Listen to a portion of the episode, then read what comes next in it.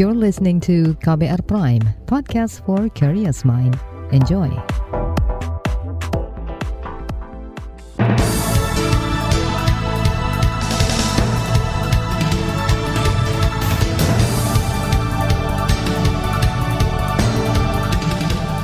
saudara, selamat pagi. Senang sekali kami bisa menjumpai Anda kembali melalui program Buletin Pagi untuk edisi hari ini Rabu 23 Maret 2022. Bersama saya Agus Lukman, kami telah menyiapkan sejumlah informasi pilihan. Di antaranya polisi didesak untuk mengusut dugaan keterlibatan Menteri Luhut di bisnis tambang Papua. Pemerintah membuka opsi mudik lebaran tahun ini. Gubernur Jawa Tengah kembali di demo soal wadas. Inilah Buletin Pagi selengkapnya terbaru di Buletin Pagi.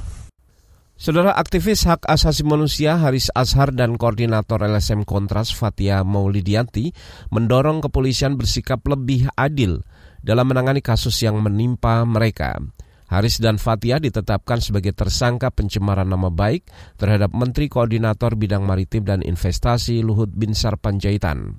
Haris meminta polisi memeriksa bukti dan saksi-saksi yang menguatkan dugaan keterlibatan Menteri Luhut dalam bisnis tambang emas di Intan Jaya, Papua pada saat operasi militer menumpas kelompok bersenjata. Nama saksi dan bukti akan diserahkan Haris dan Fatia pada hari ini. Tim kuasa hukum Haris dan Fatia Nurholis Hidayat mengatakan dokumen pendukung terkait skandal dugaan kejahatan ekonomi yang diduga melibatkan Luhut sudah disampaikan ke polisi saat pemeriksaan awal pekan. Dengan skandal ini, maksud kami dugaan skandal ini mengacu pada hasil riset sejumlah lembaga swadaya masyarakat. Kepolisian juga punya kesempatan untuk menggunakan otoritasnya menjalankan fungsi melakukan apa evaluasi terhadap penyidikannya polisi bersedia bisa menghentikan penyidikan ini demi hukum dan juga bisa melakukan penyelidikan apa sebaliknya terhadap materi yang dilaporkan oleh Haris terkait dengan kejahatan ekonomi tadi. Jadi kita lihat apakah kepolisian cukup berimbang, fair, tidak diskriminatif untuk memeriksa Tim kuasa hukum Haris dan Fatia, Nurholis Hidayat juga mendesak kepolisian meminta keterangan dari ahli yang kompeten dan independen. Ahli itu perlu dihadirkan untuk menjelaskan dugaan kejahatan korporasi. Saudara desakan agar polisi mengusut dugaan keterlibatan Luhut dalam bisnis tambang di Intan Jaya, Papua juga disuarakan LSM Lingkungan Walhi. Walhi merupakan salah satu LSM yang turut dalam menyusun riset ekonomi politik penempatan militer di Papua dalam kasus Intan Jaya. Manajer kampanye Walhi, Wahyu Perdana mengatakan, dari riset itu diketahui Menteri Luhut merupakan pemegang saham PT Tobakom Del Mandiri yang diduga terlibat dalam bisnis tambang di Intan Jaya. Berdasarkan pendekatan orang yang terekspos politik, Luhut diduga terlibat. Wahyu mengatakan Walhi akan menunjukkan data riset itu kepada penyidik Polda Metro Jaya jika diperiksa sebagai saksi. Masalahnya, kita tidak melihat aparatur itu mengejar substansi risetnya.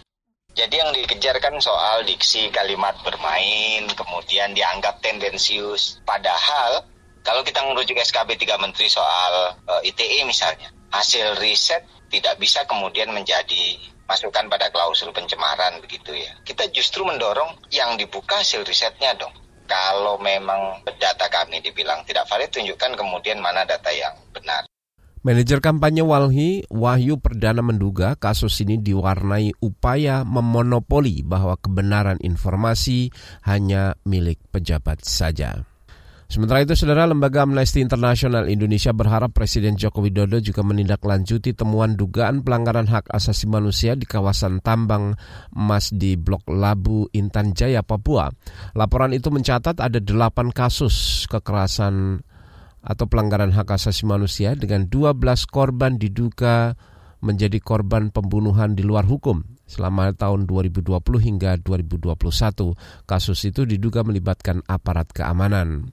Peneliti Amnesty International Indonesia Ari Pramuditya mengatakan temuan ini sudah diserahkan ke Deputi 5 Kantor Staf Presiden Jaleswari Pramodawardani pada Senin lalu.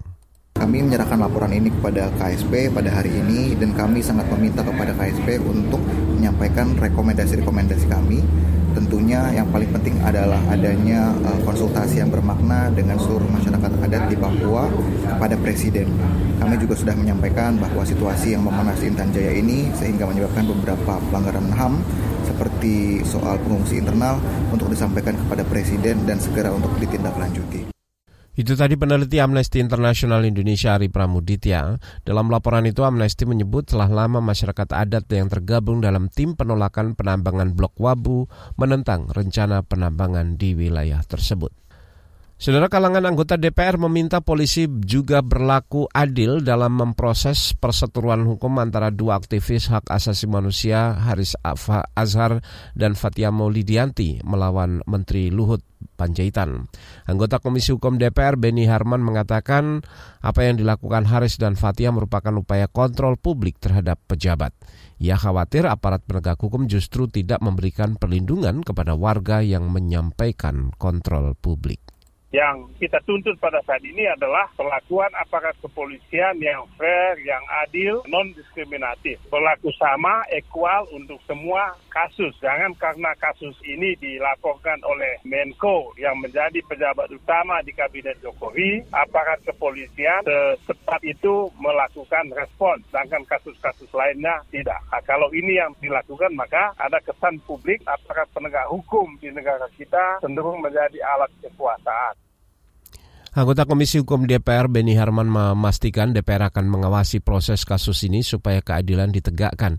Ia meminta polisi menggunakan kewenangan hukum sesuai prosedur di Kitab Undang-Undang Hukum Acara Pidana. Saudara KBR telah mencoba menghubungi juru bicara Polda Metro Jaya, Indra Zulpan, untuk menanyakan soal pendalaman hasil riset ini, namun hingga pagi ini Zulpan tidak membalas permintaan wawancara dari KBR. Namun pada hari Minggu lalu Zulpan memastikan penetapan tersangka terhadap Haris dan Fatia telah sesuai prosedur. Ia mengatakan penyidik bekerja berdasarkan fakta hukum dan mengikuti mekanisme. Saudara pemerintah membuka opsi mudik pada lebaran tahun ini. Informasi selengkapnya kami hadirkan sesaat lagi tetaplah di Buletin Pagi. You're listening to KBR Pride, podcast for curious mind. Enjoy!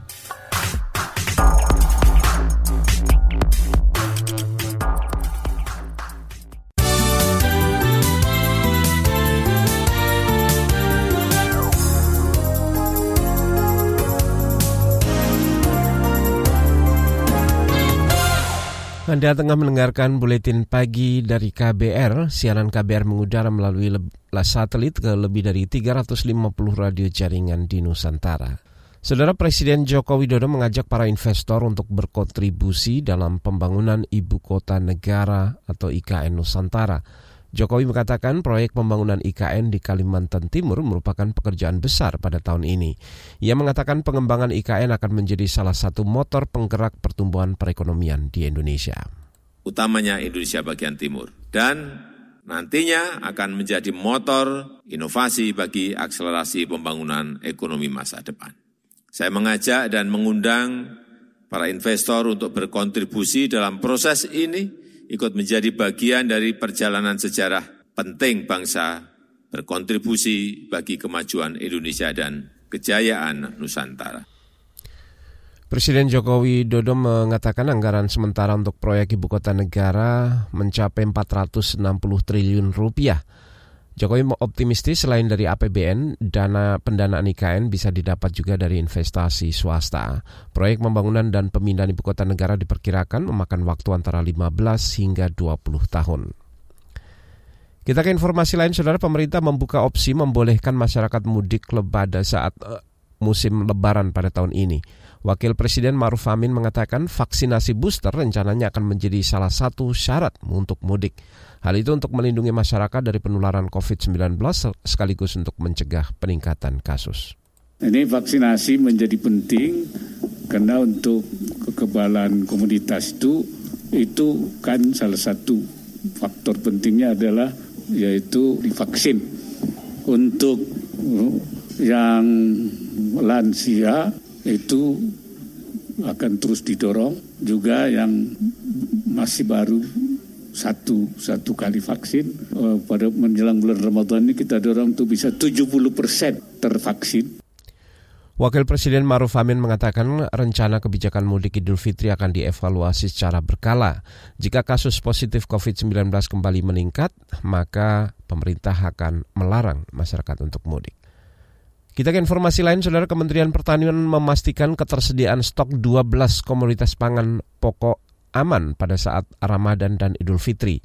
Menteri Pertanian Sarul Yasin Limpo mengatakan 12 komoditas itu seperti beras, jagung, kedelai, bawang merah, cabai merah, daging ayam dan juga telur ayam, minyak goreng hingga gulai gula konsumsi. Kementerian Pertanian juga melakukan antisipasi Ramadan dan Idul Fitri untuk menjaga ketersediaan pasokan komoditi pangan pokok tersebut. Sampai dengan akhir Mei 2022, ketersediaan dalam kondisi aman. Sekali lagi, cukup baik dan terkendali. Menteri Pertanian Syahrul Yassin Limpo menambahkan beberapa stok komoditas dapat dipenuhi dari produksi dalam negeri. Namun untuk kedelai, bawang putih, daging sapi, dan juga gula konsumsi, stok akan diimbangi dari substitusi impor. Kita ke informasi ekonomi, Saudara Menteri Keuangan Sri Mulyani memastikan harga bahan bakar minyak atau BBM jenis Pertalite tidak naik meskipun harga minyak mentah dunia sedang melambung tinggi. Menurut Sri Mulyani, harga BBM Pertalite dipertahankan untuk menjaga daya beli masyarakat. Saat ini harga Pertalite sekitar Rp7.600 per liter. BBM kita nggak naik. Pertamax sih sudah terkena dan itu adalah ah, kelompok masyarakat, kelompok masyarakat kaya ya. yang uh, yang mengkonsumsi.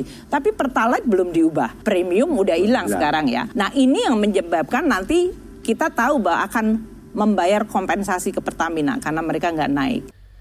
Itu tadi Menteri Keuangan Sri Mulyani. Saudara sebelumnya tenaga ahli utama kantor staf Presiden KSP Edi Priyono menjamin pemerintah tidak akan menaikkan harga BBM subsidi meski harga minyak dunia sedang melambung tinggi. Dia mengatakan pemerintah akan menanggung naiknya beban subsidi seiring dengan melonjaknya harga minyak mentah dunia. Harga minyak mentah dunia melonjak tinggi akibat invasi Rusia ke Ukraina dan kenaikan ini dipicu rencana embargo minyak Rusia oleh Uni Eropa.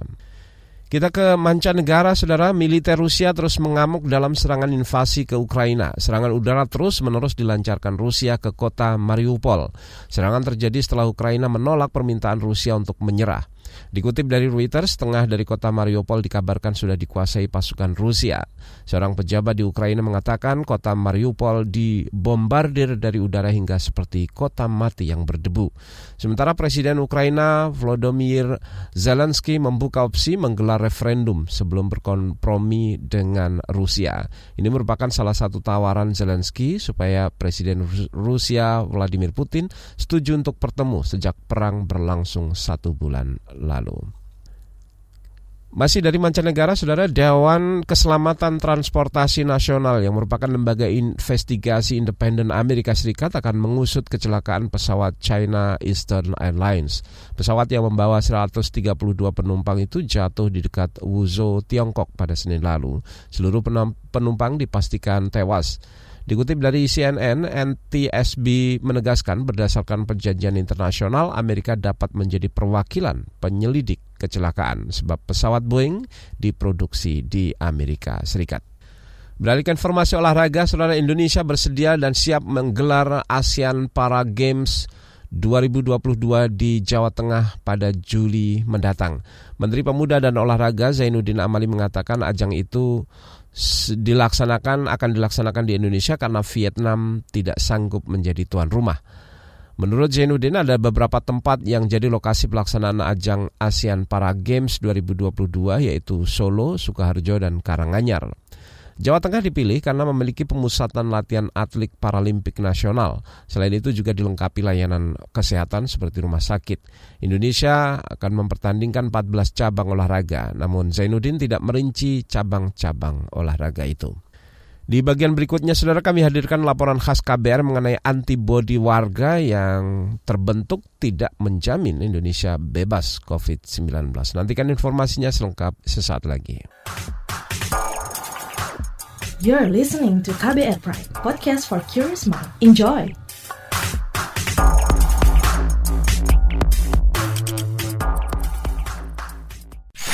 Commercial break.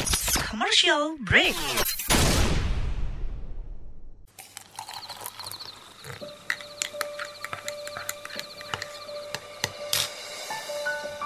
Hai, kamu apa kabar? Masih suka menikmati senja dan kopi? Aku masih ingat kebiasaan kita. Sehabis pulang kerja, selalu mencari tempat untuk sekedar ngobrol dan ngopi. Tapi kadang kita kehabisan bahan obrolan. Aku masih melakukan hal yang sama sampai sekarang tanpa harus takut habis bahan buat ngobrol. Karena aku selalu mendengarkan KBR sore dari Senin sampai Jumat jam 4 sore. Ah, aku rindu. KBR Inspiratif Terpercaya.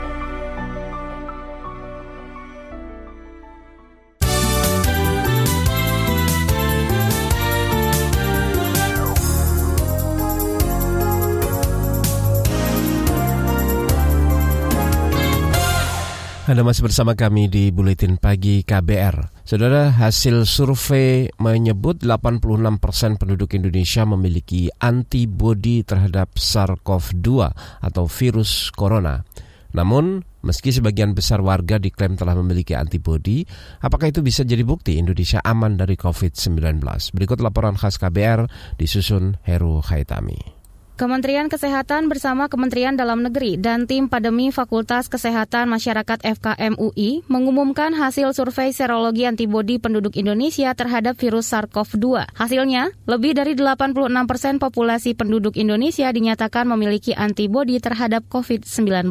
Menteri Dalam Negeri Tito Karnavian mengatakan survei dilakukan di 100 kabupaten kota, wilayah aglomerasi dan non-aglomerasi. Kata dia, rata-rata warga di ratusan daerah itu memiliki antibodi, karena vaksinasi maupun infeksi. Itu juga bisa membuat pertama menjawab pertanyaan kenapa pada saat itu jadi penurunan yang sangat rendah. Yang kedua, untuk strategi ke depan. Jadi kalau seandainya prevalensi antibodinya masih rendah, ya kita harus genjot habis-habisan vaksinasinya dan protokol kesehatan harus ketat. Menanggulangi pandemi ini kan salah satu upayanya membuat masyarakat memiliki antibodi agar tercapai kekebalan kelompok, herd immunity. Oleh karena itu, selain dari data vaksinasi dan data yang terkait terkena COVID dan terdata di fasilitas kesehatan, kita ingin mengetahui juga berapa banyak yang sudah memiliki antibodi karena terpapar tapi nggak sadar atau memang tidak berobat tapi sembuh. Meski demikian, Kementerian Kesehatan meminta masyarakat tetap mendapatkan vaksin COVID-19 dosis lengkap atau booster untuk meningkatkan kekebalan. Sebab menurut Menteri Kesehatan Budi Gunadi Sadikin, ada mutasi virus yang masih mengancam, semisal subvarian Omikron BA2. Subvarian ini juga menjadi pemicu lonjakan kasus di beberapa negara yang memiliki cangkupan vaksinasi tinggi. Memang ketiga negara ini peningkatan kasusnya terjadi karena ada subvarian baru atau anak dari Omikron yang namanya subvarian Omikron BA.2. Subvarian ini juga sudah ada di Indonesia dan hasil genome sequencing kita terakhir dalam dua bulan lebih kita sudah melakukan 8.032 genome sequencing. Di akhir-akhir memang porsi BA2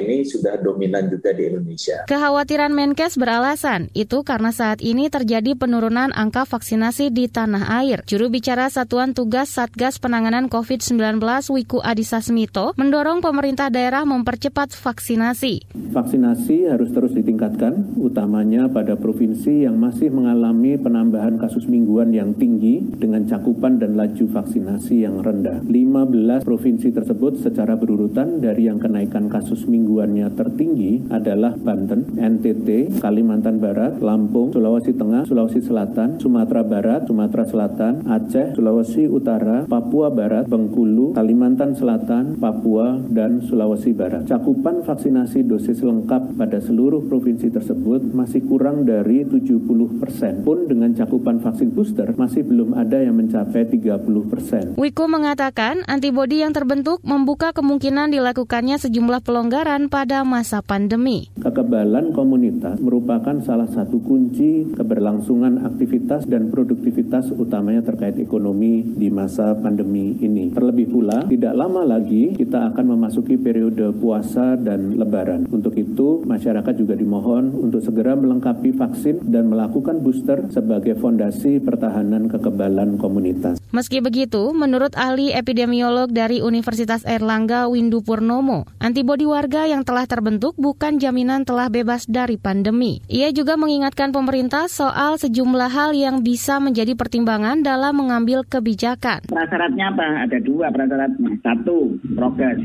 Prokes harus tetap, jangan kita main-main dengan prokes. Karena di UK dan lain-lain tempat, itu naik itu ya ada dua faktor. Ada faktor BA2, BA2, ada faktor mereka sudah update terhadap prokes. Pelonggaran tidak pakai masker kan sekarang di banyak negara kan. Nah, kita jangan, jangan niru-niru. Jadi prasyaratnya itu. Dan kedua, asal jangan ada varian baru. Kalau ada varian baru lagi ya jebol lagi. Karena itu enggak, bisa kita prediksi. Sementara itu, menurut ahli epidemiolog dari Universitas Griffith Australia, Diki Budiman, Indonesia harus belajar dari kasus COVID-19 di negara lain. Belajar situasi Eropa, Amerika, bahkan beberapa negara Asia yang mengalami lonjakan kasus karena subvarian Omicron BA2, kita melihat bahwa meskipun namanya landscape atau modal imunitasnya itu sudah bahkan ada yang di atas 90 persen, ada 90 persen lebih, itu tidak menjamin tidak menjadi jaminan untuk tidak terjadi lonjakan. Berdasarkan data Satgas COVID-19, per kemarin kasus positif secara nasional bertambah lebih dari 7.000 orang, sedangkan pasien sembuh bertambah 29.000 orang. Namun, angka kematian juga meningkat, yakni 170 orang pasien. Sementara, untuk cakupan vaksinasi sudah mencapai 155 juta jiwa lebih. Jumlah ini masih belum sesuai target yang ditetapkan untuk membentuk kekebalan komunal, yakni 208 juta jiwa. Demikian laporan khas KBR, saya Dwi Renjani. Saudara informasi dari daerah akan kami hadirkan sesaat lagi, tetaplah di Buletin Pagi KBR. You're listening to KBR Pride, podcast for curious mind. Enjoy!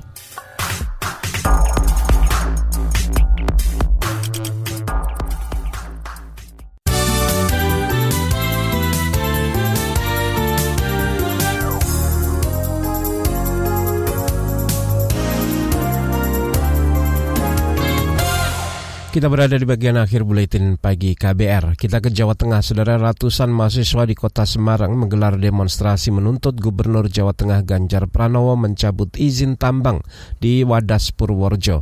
Aksi digelar di depan gedung Gubernur Jawa Tengah kemarin. Berikut pernyataan perwakilan aksi Rifda Kamil.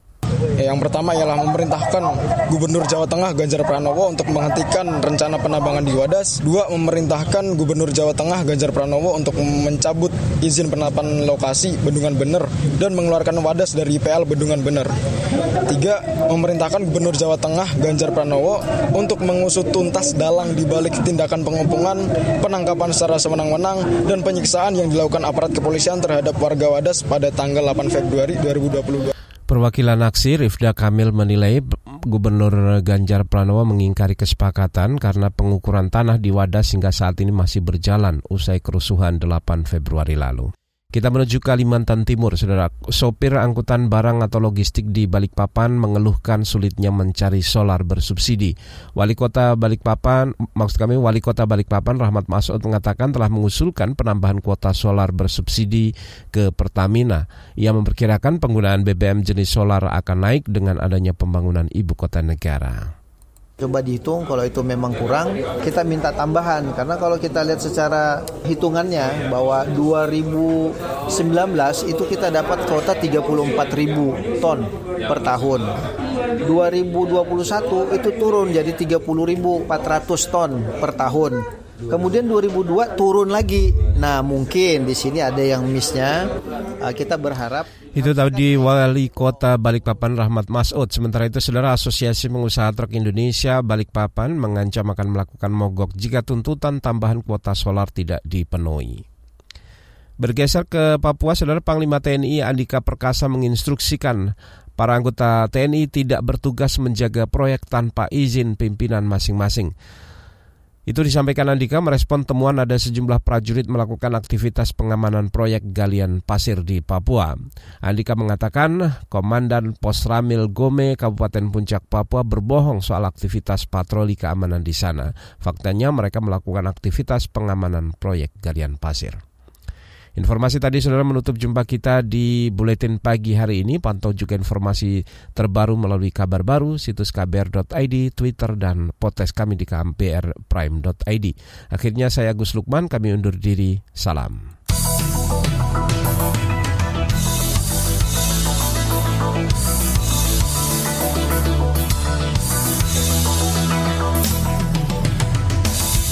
KBR Prime, cara asik mendengar berita. KBR Prime, podcast for curious mind.